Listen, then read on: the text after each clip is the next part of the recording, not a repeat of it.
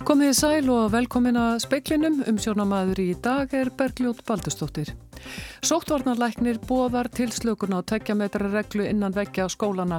Þar verður miðað við 1 metra á milli fólks. Norsk stjórnvöld hafa lagt til að setja Ísland á rauðanlista sem þýðir tíu daga sóttkvífi komuna til landsins. Yfirlauglu þjóttjá almannavörnum segir líklegra að íþróttafólk smitist af COVID-19 utan íþróttana en í í þeim. Ef snerti íþróttir fullorðina verði leifiðar á ný sé ábyrðin sett á herðar íþróttafólksins og sala á veiðileifum í sumar hefur gengið betur en á horðist í vor. Mikil veiði hefur verið í Istri Rangá og Hofsá verðist vera að sækja í sig veðrið á ný. Ef smittum heldur áfram að fækka eins og seinustu daga er vona á tilslökunum á sótvarnarreglum. Þetta kom fram í máli Þórólfs Guðnasonar á upplýsingafundi almannavarna fyrir í dag. Hann segir ríkari áherslu vera á tilslaganir innanlands en á að landamærunum. Núgildandi reglugerðum aðgerðir innanlands rennur út á förstu daginn. Þórólfur lagði fram minnisblad til heilbreyðisráð þeirra í dag. Það reyfar hann kosti og galla mismunandi leiða til að takmarka leiðir veirunar inn í landið. Þannig tel ég að skimun í sambland við sótkví hjá einstaklingum á, land, e, á landamærum þurfi að vera áfram til staðar e, í einhverju mynd ef við viljum virkilega lámarka áhættuna því að veiran komist hingað inn til lands. Hann segir það meira aðkallandi að aflétta takmörkunum innanlands en við landamærin. Aðgerðir við landamærin hafi reynst árangusríkar. Hvað aðgerðir innanlandsvarðar tilur hann æskilegt að halda áfram 100 manna samkómutakmörkunum en ef smitum fækkar verði það endur skoðað. Við erum líka slaka á þessari nándarreglu, fara nýri í eh, einn metr að ég legg það til í skólunum. Eh, það getur vel komið til greina líka þegar framlýður að mæla með því á fleiri stöðum og þetta er svona það helstu varðandi landamærin að þá þá er ég bara að reyfa svona ímsa kosti í stöðun eins og ég sé það út frá sótarnarlegum sjónamöðum hvað, hvað við ættum að huga að í, í hvað það varðar núna næstu mánuði því að við komum til með að lifa með þessari veiru og þurfum að huga því til framtíðar. Og þetta var Þórólfur Guðnason, Bjarni Rúnason tók saman. Fullorðið íþróttafólk verður sjálft að ákveða hvort það taki þátt í leikjum ef slakað verður á takmörkunum vegna COVID-19 faraldusins á næstu dögum, segir yfirlauruglu þjótt hjá Ríkislauruglustjóra. Hann telur að íþróttafólkinu sé ekki stemt í hættu ef keppni hefst á ný. KSI stefnar að því að hefja keppni í fótbolta á ný á fastudag. Þórólfur Guðnason, sóttvarnalæknir, hefur lagt til við heilbriðisáþara að ef smitum haldi áfram að fækka verði hluta takmarkana vegna faraldursins aflétt. Í gær gaf hann til kynna að stemt væri að því að leifa íþróttir með snertingu. Á VFKSI segir að stemt sé að því að keppni hefjist á förstu dag í mestaraflokki, öðrum og þriðjaflokki. Er ekki verið að stopna leikmönnum í hættu með því að leifa þessar snerti íþróttir?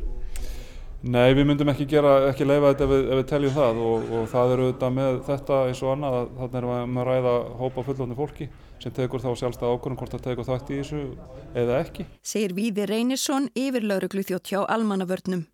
Þá segir hann að ákveðna reglur um sóttvarnaráðstafanir sem gildi í hverri íþrótt eigi að lámarka hættu og smiti. Þarna kemur líka til ábyrð hvers og eins einstaklings hvernig hann haga sér utan íþróttana. Það er miklu líklega að smiti færi fram þar heldur en í íþróttunum Það er leiðandi er ábyrðin í þessu sett á, á hendur á Íþróttafólkinu. Sæði við í Reynesson í viðtali við Ölmu Ómarsdóttur, daginn í Hulda Erlendsdóttir tók saman. Guðrún Jónsson, hagfræðingur hjá Vaffer og rannsóknarstofnuninni CEP í Sviss, segir brínt að greina hver kostnaðurinn sé af þeirri áhættu að opna fyrir flæði ferðamanna til landsins. Gera hefði þurft hildar úttækt á áhrifum þess að hafa landamærin opinn það er ljóst að, að hérna, hagspunni ferðarþjóðstunum voru kortlaðið vel en, en kannski síður uh, annara staðsgreina og, og, og, og uh, atvinnugreina og það er auðvitað að benda til dæmis á ef að, ef að þarf að loka til dæmis skólum uh, sem hefur afar viðtaka áhrif og rannsóknar var sínt að til dæmis í Breitlandi það var gert ræð fyrir því að, að 16% vinnuafls þurfi að leggja niður störfi ef að skólanir lokast. Þannig að þú ert að segja að það hefði þurft að gera eh, sko svona heldar úttækt á áhrifunum áður en að það var svona tekin ákvarðun um að gera þetta. Já, ég held að það sé, sé klátt mála. Það hefði mátt eh, standa betur á því. Ekki síst til þess að tryggja, uh, tryggja friðin í, í, í kjölfalið á, á, á ákvörðunni eftir að ákvörðunni tekin að þá er uh, þá skapast til ekki tröst kakvart uh, stjórnvöldum ef þau sína fram á það að þau hafa sínt áhuga á, á hagsmunum annar aðeila heldur bara ferðarstjórnstunar. Rætt verður nánar við Guðrúnu um áhrifi heimsfaraldusins og efnahag og heilbriðiskerfi við um lönd síðar í speklinum. Íslendingar og færeingar verða framvegis að fara í 14 daga sóttkvífi komu til Grænlands. Landstjórnin í núk tilkynnt í dag að farþegar frá færeum og Íslandi væru ekki lengur undan þegni reglum um sóttkví vegna fleiri koronaviru smita í löndunum. Frá þessu er skýrt í grænleska blæðinu Sermitak. Grænland er annað landi sem krefst þess að farþegar frá Ísland og Færium fari í sóttkví.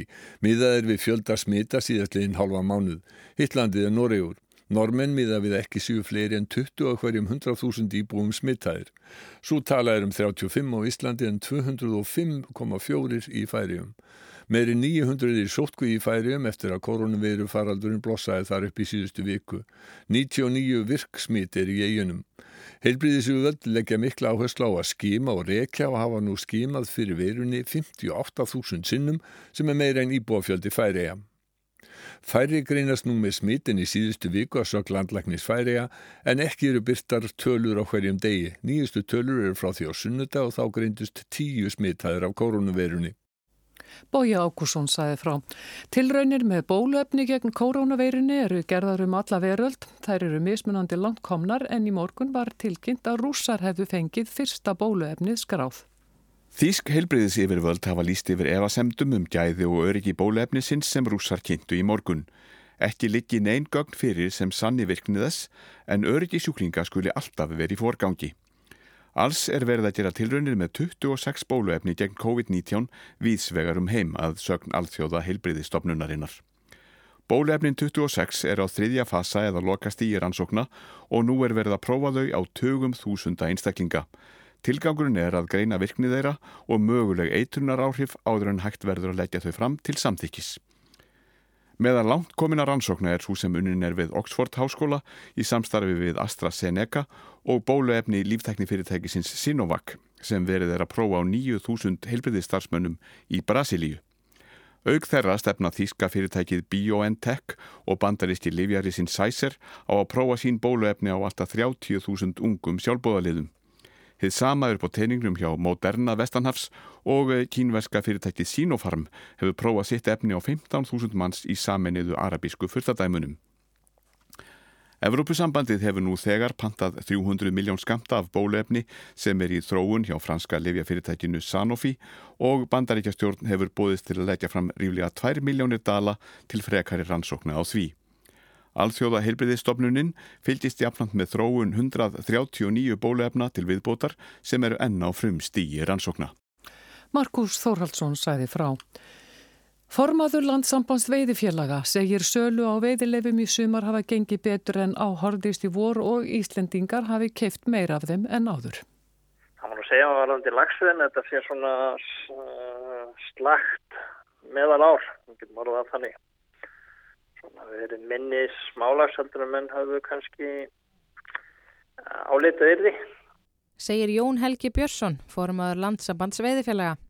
Jákvæmt sé að það hafi verið mjög góð veiði í Eistri Rángá og sleppingar greinlega gengi vel. Þar var búið að veiða tæplega 4000 lagsa í byrjun ágúst og sama tíma í fyrra voru þeir um 1800.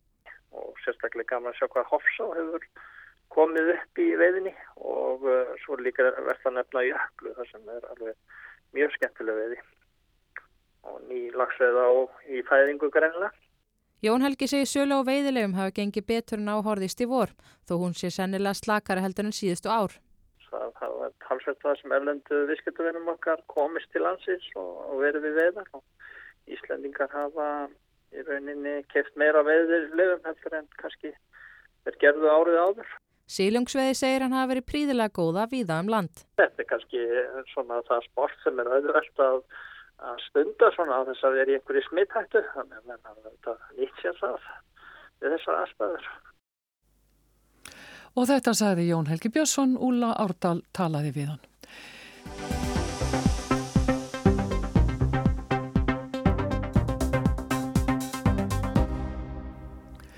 Veirufaraldurinn hefur haft gríðarlega áhrif á samfélög við um heim en efnagskerfi og ekki síst heilbyrðiskerfi landa ráða misvel við faraldurinn. Guðrún Jónsson, efnahagsráðgjafi hjá Vaffer og hagfræðingur við rannsóknarstofnuna CEP í Sviss er gestur speilsins í dag en vegna veiru faraldusins tölum við saman í síman. Undafarið hafa hagfræðingar tjáð sig um ákverðun íslenskara stjórnvalda um að opna fyrir flæði ferðamanna til landsins og verða sammálum það að ábændin af því hafi verið ofmetinn.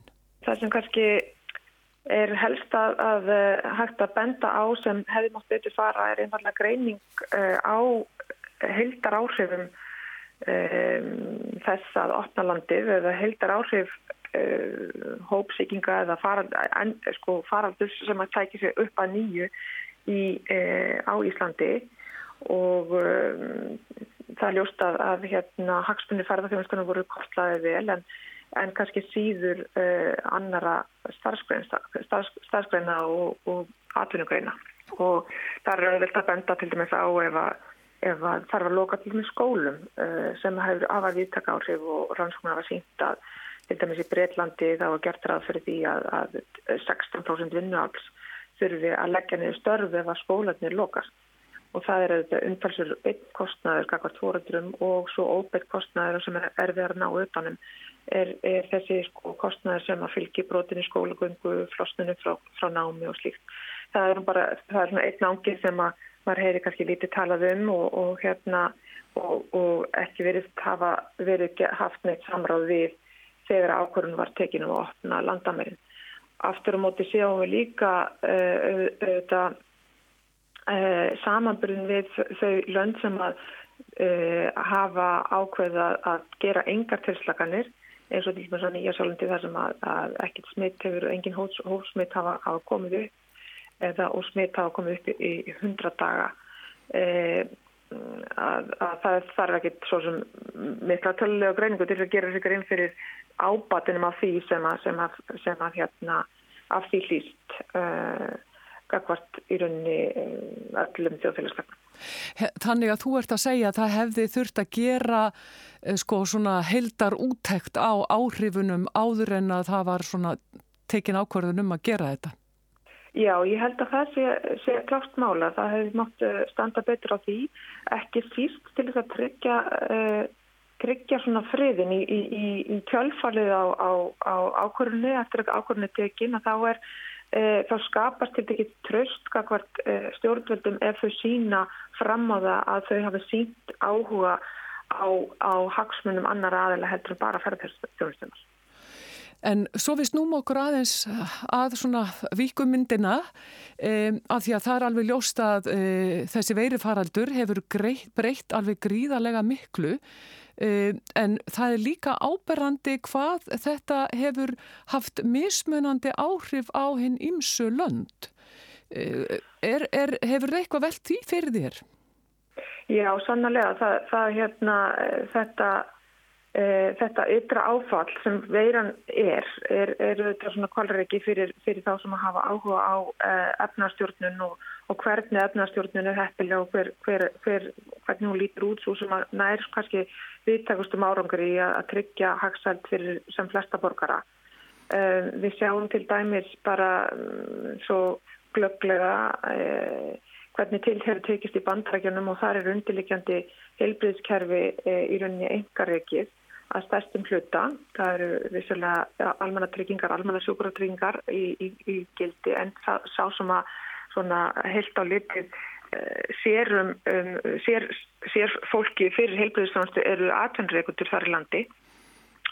Og uh, atvinnreikundur hafa rauninni nýtt sér þetta tól til þess að laða að, að, að, að laða til starfa hægt og gott starfsfólk og yfirbjóða hver annan varðandi varðandi heilbríðsfjónustu og að móti kemur til þess að tryggja sem að hefa þau verið að, sem að hafa veittana þó svo að aðunreikundi borgi fyrir hana en að móti þá hefur til þess að tryggja eh, segja, góðan rekstur í engareknum eh, hjá engareknum aðilum eh, sem veita heilbríðsfjónustu hefur hefði ofnbæra ekki eh, fjárfest næla í líðhelsustofnunum og, og, og, og slíkur.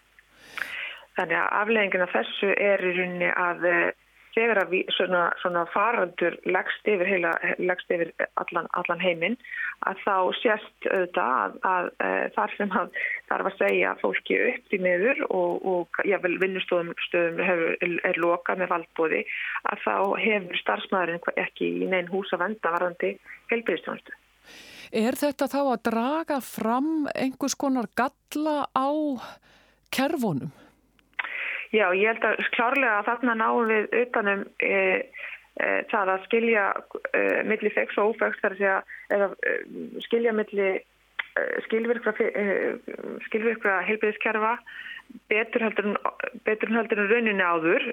Vissulega höfum við dænið um, um spænsku veikinu frá 1918 en þá var einfallega samfélagsgerðin svo önnur og, og, og þjætting, þjætting búsetu var ekki með sama hætti og er núna svo að þarna er kærkomin uh, í rauninni út frá svona uh, almennum almennri stefnum út um stjórnvalda auðvelt að sjá hvaða kerfi er að standa fyrir betur í þessu og hver ekki. Sko ég ætla, ég ætla nú ekki að beða um að vera spákona eða spá fram í tíman en samt freistast maður til þess að velta fyrir sér hvort að þetta eigi eftir að breyta þessum kerfum eitthvað eh, sem sagt að þetta, þetta virki sem gaggrinni og drægi fram þessa galla hvort að þetta eigi afleiðingarnar verði þær að það verði sko endur skoðað.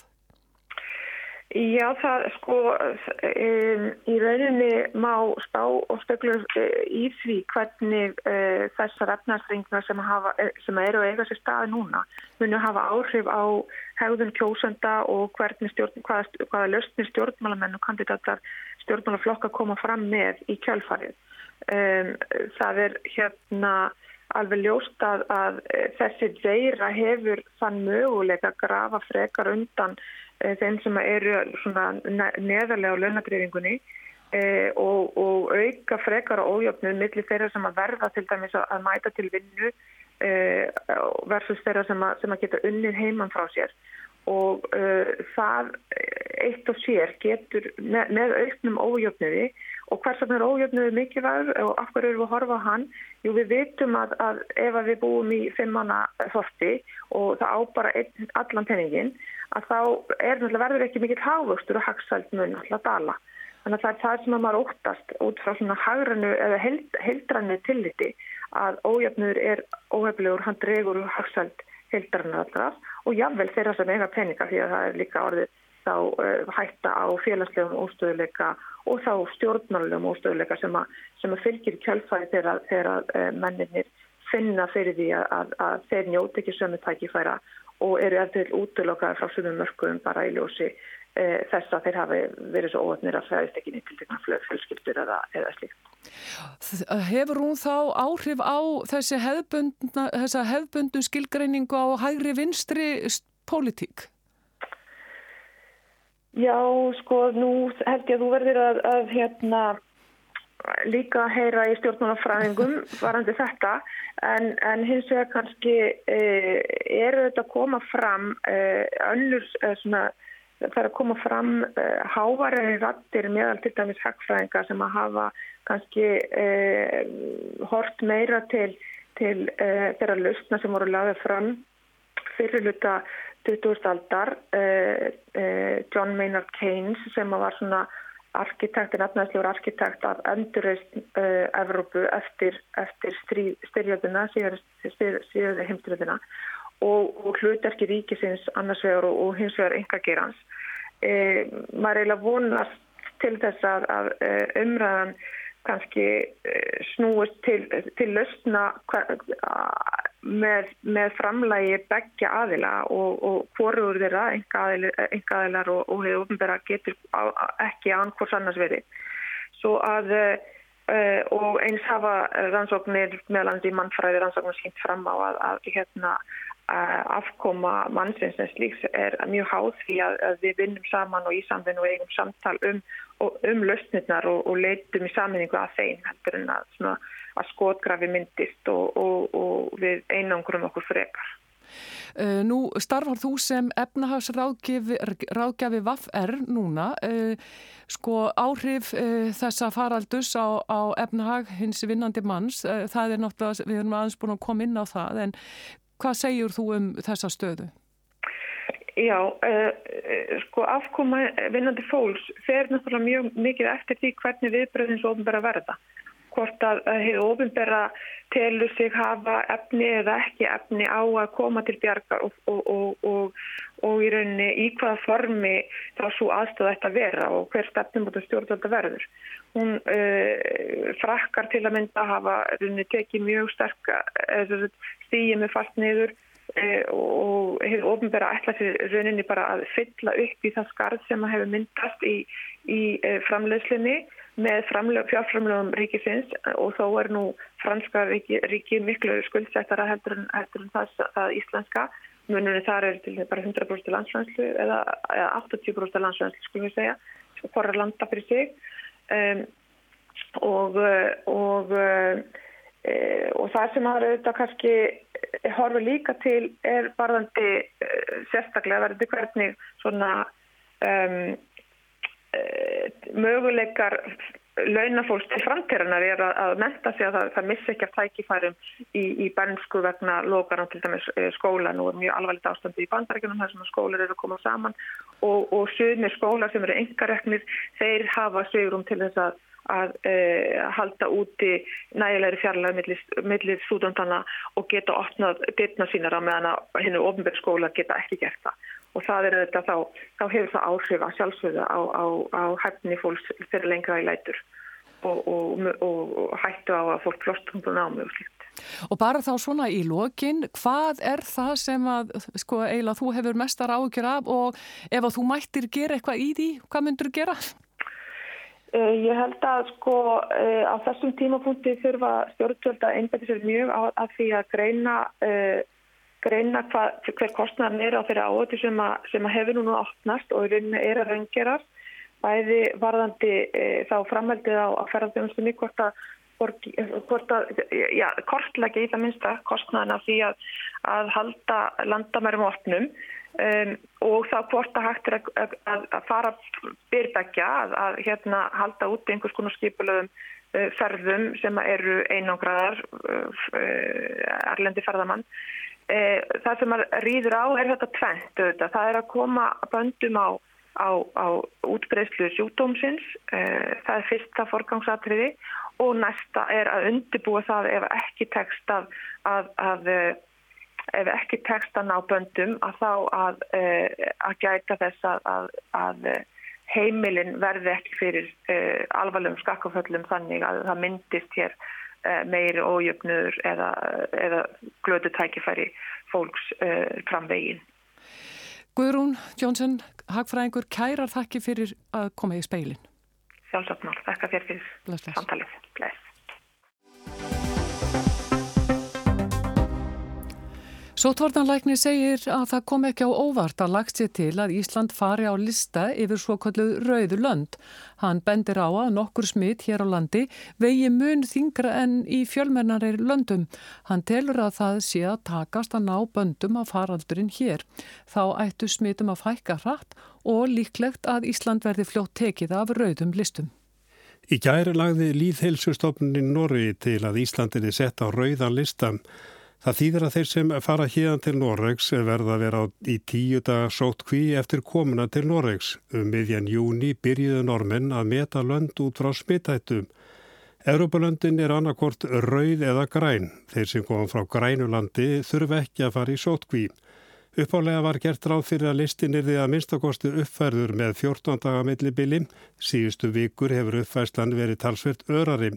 Nýjasti listin er frá því á laugardag. Á honum er Ísland litað grænum lit.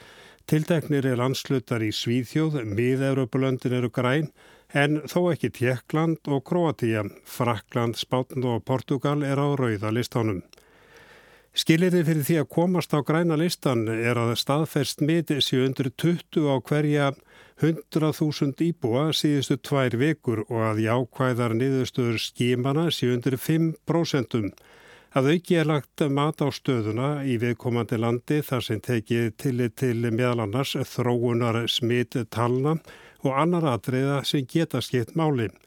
Ísland er enn yfir þessum mörgum sem norðmenn setja. Í gær og í fyrra dag var nýgengi innanlands smita hér um 27 á hverja 100.000 íbúa en er komið niður í 24,8 sangvað tölunum sem byrtar voru í dag. Talan lækkar vegna þess að í gæri greindist ekkert smitt innanlands. Nýgengi á landamæranum er nú 4,6 en var í gæri 3,5. Talan hækkar vegna þess að í gæri greindustu þrjú virk smitt á landamæranum. Samálögð nýgengis tala Íslands er nú 29,4. Norsku heilsu yfirvöldi leggja til að Ísland verði fært yfir í flokk rauðra landan. Hins vegar er það heilbriðis erðaniti í Norri sem tekur endalega ákvörðunum þann, nákvæmlega eins og hér heima. Líðheilsustofnun leggur fram tilur og svo er það stjórnvalda að taka ákvörðun. Norska utaríkisraðunitið ráleikur reyndar normunum almennt að ferðast ekki til annara landa nema nöðsinn krefjist. Ef Ísland fær rauðastimpilinni þýr það að normen sem koma hingað verða farið tíu dagar sótkví þegar þeir koma heim aftur. Önnurlönd sem norsk heilsu yfirvöldi leggja til að meti veri rauð er um Malta með tæplega 60 smit á hverja 100.000 íbúa, Holland, Póland, Kýpur og Færiar. Þar hefur smitum fjölga hratt en nú erum 205 á hverja 100.000 íbúa í Færium. Einni er lagt til að tilteknir landslutar í Svíþjó fara á rauðalistan Í Danmörk fær sjáland rauðanleitt en þó ekki sjálft höfuborgarsvæði í kringum kaupmánahöfn. Mið Jótland verður raut framkemur að daglega sé lagt mat á stöðuna. En hvernig metur Þórólfur Gunnarsson, sótvarnarleiknir stöðuna, finnst hún líklegt að Ísland fari á rauðalistan hjá normunum? Ég veit ekki, ég er hins vegar, hef fengið fyrirspurt frá uh, kollega mínum í uh, í Noregi um, um, um þennan faraldur sem að hér geysar og, og á hverju hann byggist og, og hvert okkar, uh, hver okkar skoðun er á því hvort að, hvort að hann muni stoppa á þessu framvegis og, og ég muni bara gefa honum uh, raun sannar upplýsingar um það og svo verðum við bara að sjá hvað normenn gera. Kom þetta þér á óvart? Nei, sjálf og sér ekki. Normenn hafa verið með mjög vel skilgreinda skipting á því hverja, hvaða þjóðir þeir telja til eh, áhættu landa eh, og þeir hafa miða þar við 20 og við erum komin upp í 30 á þessum lista sem að, sem að þeir fara eftir þannig að það þarf ekkert að koma á, á óvart.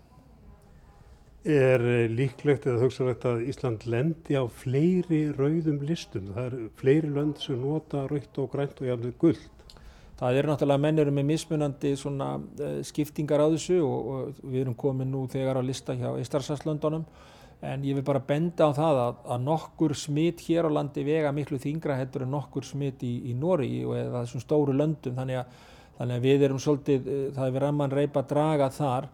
Uh, en, en við erum bara, mér sýnist vera útlitt fyrir það að við séum að ná böndum á þennan faraldur og og þá ætti þessi tala að lækka mjög hratt og ef þessar þjóður eru sjálfum sem sangkvæmar þá ætti það að setja okkur fljótt inn aftur. Ísland er ekki með samskona kerfi en það er samt ákveðunlönd sem að fá öðruvísi aðgæðislu við komuna til landsins. E, er ástæð til að þrengja það núna? Kemur það til greina hjá okkur um öðrum nýjum löndum? Já, við höfum verið að skoða það að sko, þau lönd sem eru inn á lág áhættu listana hjá okkur eru færegar, eh, eru norðmenn, finnar, danir, eh, þjóðverjar og svo grænlendingar. Nú við, við höfum verið að sjá uh, hraða útbreyslu uh, í færiðum og það hefur verið til umræðu hvort að ég að setja færiðinga inn á áhættu listan. Uh, Hina þjóðurnar hafa, sérstaklega danir og þjóðverja, það hefur verið aðeins vaksandi útbreysla hjá þeim þannig að það kæmi til greina að endur skoða það. En ég bara minni á það að það er stórt mál og, og mikið að, að breyta þessum, þessari skiptingu þannig að það er mjög erfitt að, að vera að breyta því frá viku til viku. Ég held að við verum aðeins að sjá hver þróunin er í þessum löndum áður en förum að, að, að breyta skiptingunni og ég hugsa að það sé það sama hjá normunum. Þess vegna hafa þeir tekið sér tíma í það svona, uh, að setja Ísland á, á rauða lista. Og þetta var Þórólur Gunnarsson, það er ekki fleira í spekli kvöldsins. Tæknum aður í útsendingu var Ragnar Gunnarsson, verði sæl.